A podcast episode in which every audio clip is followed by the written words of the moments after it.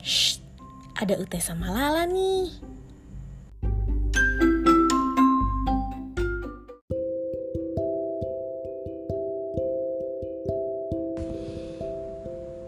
Hai, Selamat malam, selamat, pagi, selamat siang, selamat sore. untuk siapa pun kalian yang mendengarkan podcast ini. For your information, Ini adalah podcast pertama kita. Yay! Setelah sekian lama ada kali ya setahun wacana kayak orang-orang rame banget bikin podcast kita harus bikin. Dari kita harus bikin. lalu. Udah nyiapin semuanya tapi nggak record record dan Tapi baru kayak- kesampaian Uh-uh. sekarang ini. Di ini kita record di tengah malam ya, Ya, tengah malam. jam 12 pas. Jadi pergantian hari gitu. Hmm. H plus satu my birthday. Yes, eh, happy Yeah. birthday. for Thank you. you, thank you. Ih, najis banget. Jadi sebenarnya kita mau ngomongin apa sih lah malam ini? Nggak tahu sih sebenarnya kayak lebih ke random nggak sih? Random. Kita bakal, jadi kita tuh nggak nyiap- nggak nyiapin materi karena kita Nggak. belum tahu eh gimana ya celahnya gitu loh. Kita maklum kita newbie banget.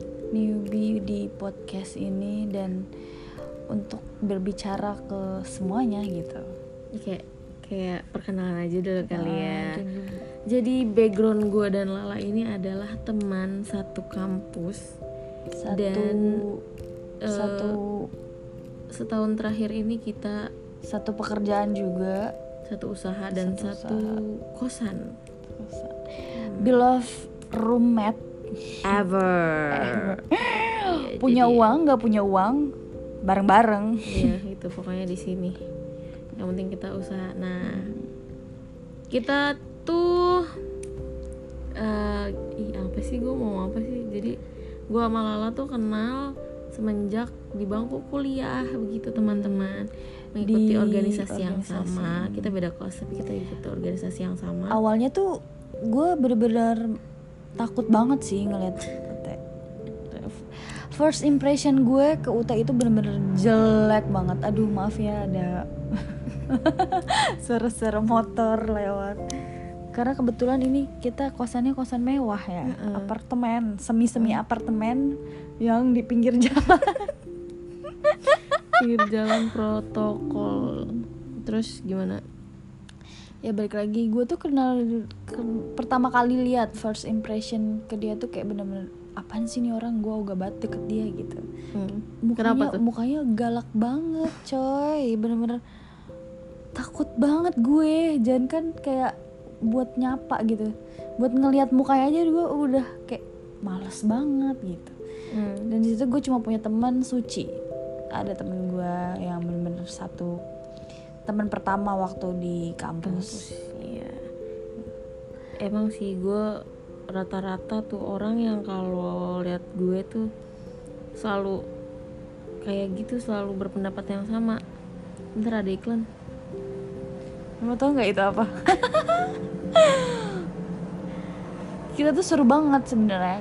Apartemen, apartemen, semi apartemen kita tuh seru banget. Bisa dibilang ya. Apartemen bintang satu gak sih? Karena depan mall, sebelum mall kita harus menyeberangi rel kereta dulu pemirsa. Jadi kebayang nggak tuh bahayanya kayak apa ya? Ya back to back to garis merah, benang merah. Ya dulu tuh gue pernah di saling ngomporin kayak sama Suci tuh kayak ih lu nggak usah deket-deket sama dia males banget mukanya jutek gitu. Hmm. jadi pernah ada satu acara himpunan yang mendekatkan gue sama Ute. Kayak gue tuh sama Suci doang berdua bener-bener gue sama dia tuh kayak kayak perangko gitu. Terus gue deket dia duduk terus Suci bilang jangan deket-deket dia gitu. Males galak. Oh iya iya gue juga nggak mau gitu. Dulu jadi gue bisa dibilang kemakan omongan gue sendiri ternyata pas Iya. lama-lama lama di organisasi deket-deket-deket ya sekarang. Ternyata gue Tiap- gak seburuk muka gue. tiap detik gue lihat mukanya tiap hari gitu Mm-mm. kan. Udah. Ternyata emang emang muka gue tuh kalau bahasa Inggrisnya tuh beach face gitu. Anjay. Beach face jadi nggak cuma gue sih yang punya muka, muka pantai.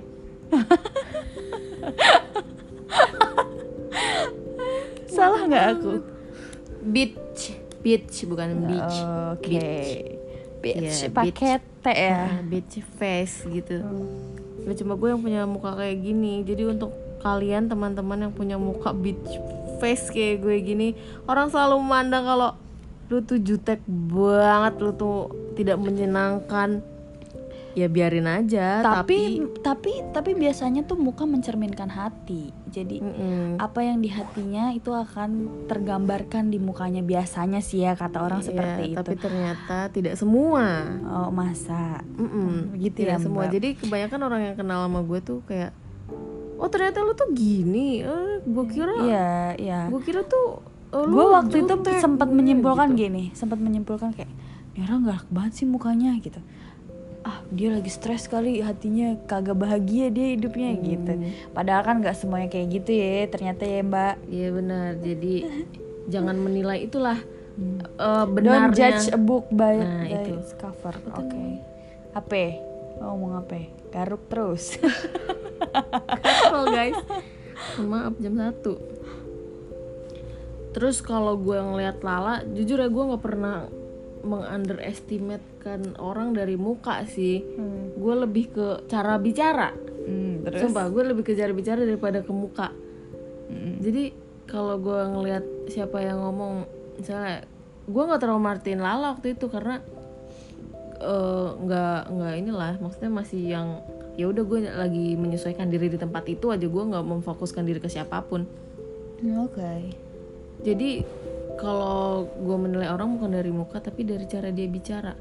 Orang tuh kalau walaupun mukanya jutek tapi kalau cara bicaranya santun, cara bicaranya tapi kala itu tuh ya Enak. gue kenal lo itu cara bicara lo tuh jutek banget kayak Gitu. ke- eh, kayak eh, apa tuh contoh waktu pas lagi makan ya Eh, ini gue masih ingat sumpah Iya. karena gue first impression gue ke dia tuh kayak wah bisa bisanya gue deket sama dia padahal dulu gue eh, gak gue bilang kayak gue males banget deket sama dia karena emang dia jutek kayak gue pernah waktu itu acara itu mak dia makan kayak mana sih minumnya? kayak gitu. Terus kayak geser dong geser gitu. Kayak ini orang preman juga ya gitu. Jadi oh ya gue gue tuh tipe yang kayak gue baru keluar eh, baru menikmati dunia kuliah gitu kan. Dulu gue di pesantren F, FYI anjay. Jadi gue baru juga sama-sama keluar dari pesantren Ya, ternyata. tapi kan lo dari SMA doang kan, Iya gue tuh dari SMP jadi ibaratkan gue dididik di situ, gue dikeluarin kandang nih, kayak gue ketemu sama orang-orang yang nggak biasa gue temuin tuh kayak, oh gitu ya, gue masa ketemu orang galak gitu, gue tuh pengen happy happy aja kali itu, Hmm. eh jadi gue menilai lo kayak, ini orang galak bener gitu, gitu, Iya bahkan gue sering dibilang kalau lu tuh cantik tuh sebenarnya tapi lu harus ramah senyum, lu harus murah senyum sih.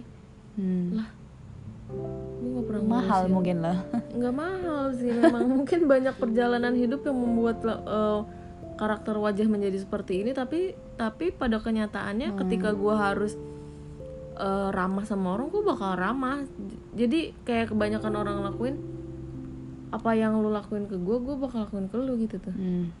kalau misalnya memang gue nggak peduli orang nilai gue dari first impression seperti apa tapi gue gue selalu berusaha setiap orang yang ngajak gue ngomong gue harus bisa ikutin arah dia. Kayak misalnya dia ngajak bercanda oke nih gue bercanda gue kalau kalau lo serius ah kalau lo ngajak bercanda gue bakal bercanda. Gue sematang mungkin bercanda tapi kalau misalnya lo harus serius tapi gue ya memang memang mungkin. itu terbukti karena ya pertama mungkin karena eh, waktu itu kita belum saling kenal jadi gua nggak tahu kayak gimana. Ternyata lama kelamaan nyambung dan memang ya sejalan bercandaannya sejalan eh, pola pikirnya juga sejalan gitu. Apa namanya apa tuh? Apa sih? Apa gue mau ngomong apa ya? Pokoknya intinya tuh kayak kayak kayak nyambung gitu tuh kayak nggak nggak krik gitu. Kalau bercanda tuh kayak Mm-mm. receh tuh receh bareng gitu. Serius receh serius. bareng gimana tuh ya? Gue tau gue Iya receh receh bareng. Kalau wayahnya seri wayahnya.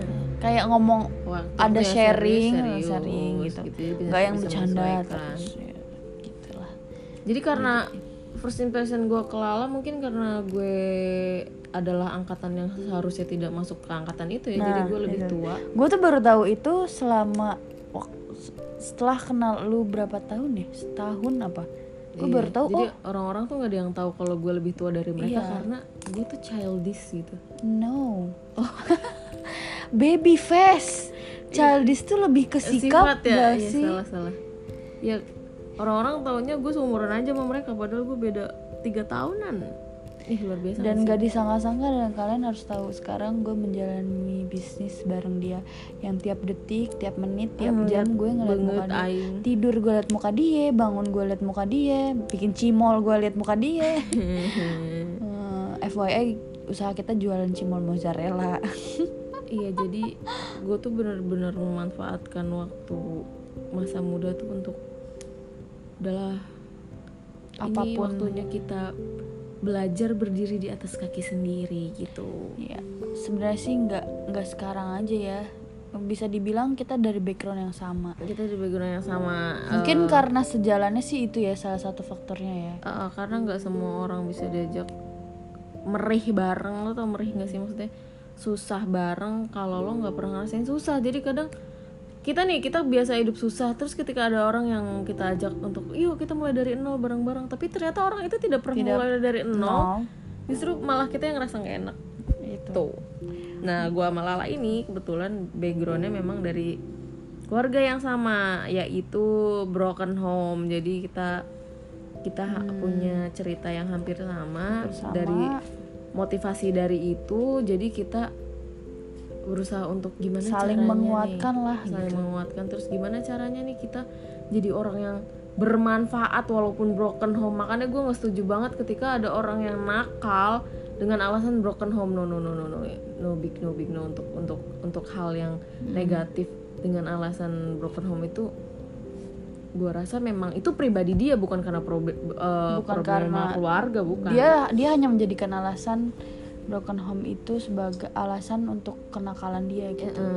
Bukan karena memang mereka gimana? broken home terus mereka kayak gitu sih. Sebenarnya kalau kita gimana menyikapinya iya sih. gimana menyikapinya? Pelampiasan kita terhadap masalah-masalah yang ada di keluarga itu nggak harus di- dilampiasin ke gue harus happy happy sama teman-teman dengan cara gue bodo amat mau ngelakuin apa yang di luar batas eh, ibaratkan kat- yang di luar batas yang orang-orang bilang nakal gitu.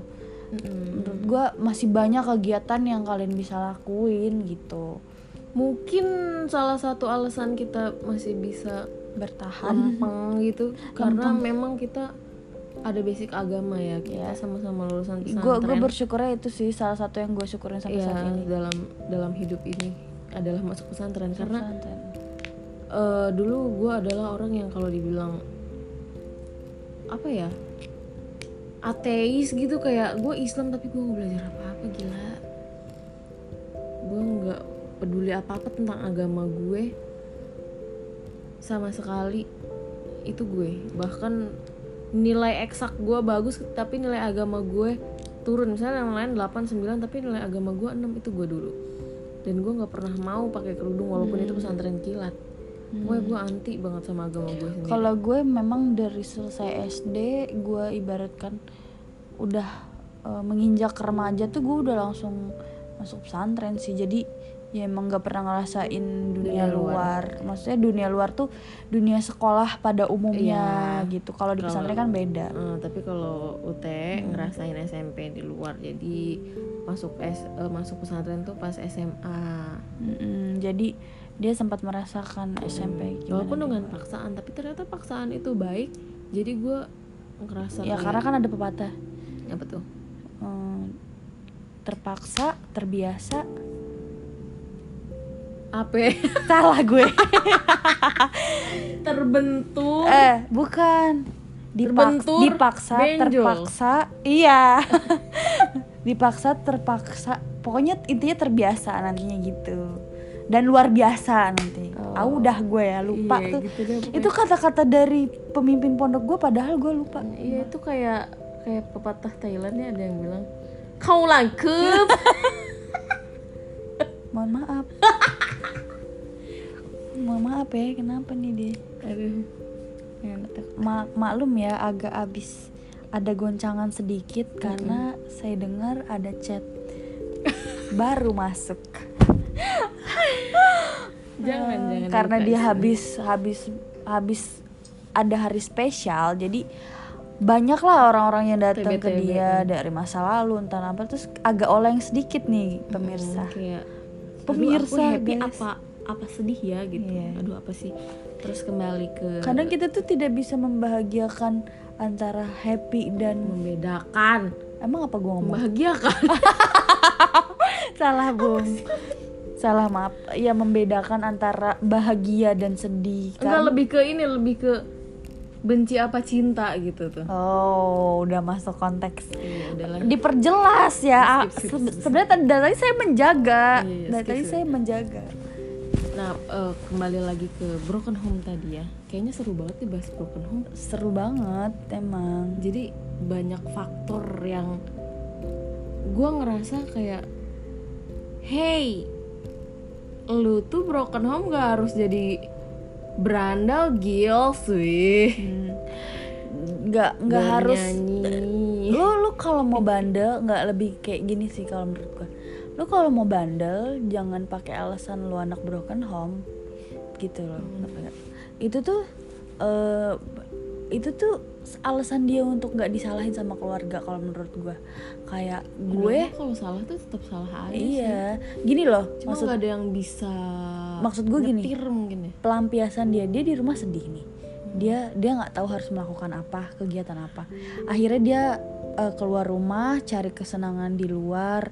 Bedanya kegiatannya mungkin kegiatan yang orang-orang biasa sebut nakal entah itu kayak dugem atau minum gitu kan dan pulang ke rumah dia disalahkan misalkan sama keluarganya kenapa kamu kayak gini gini gini gini gini?"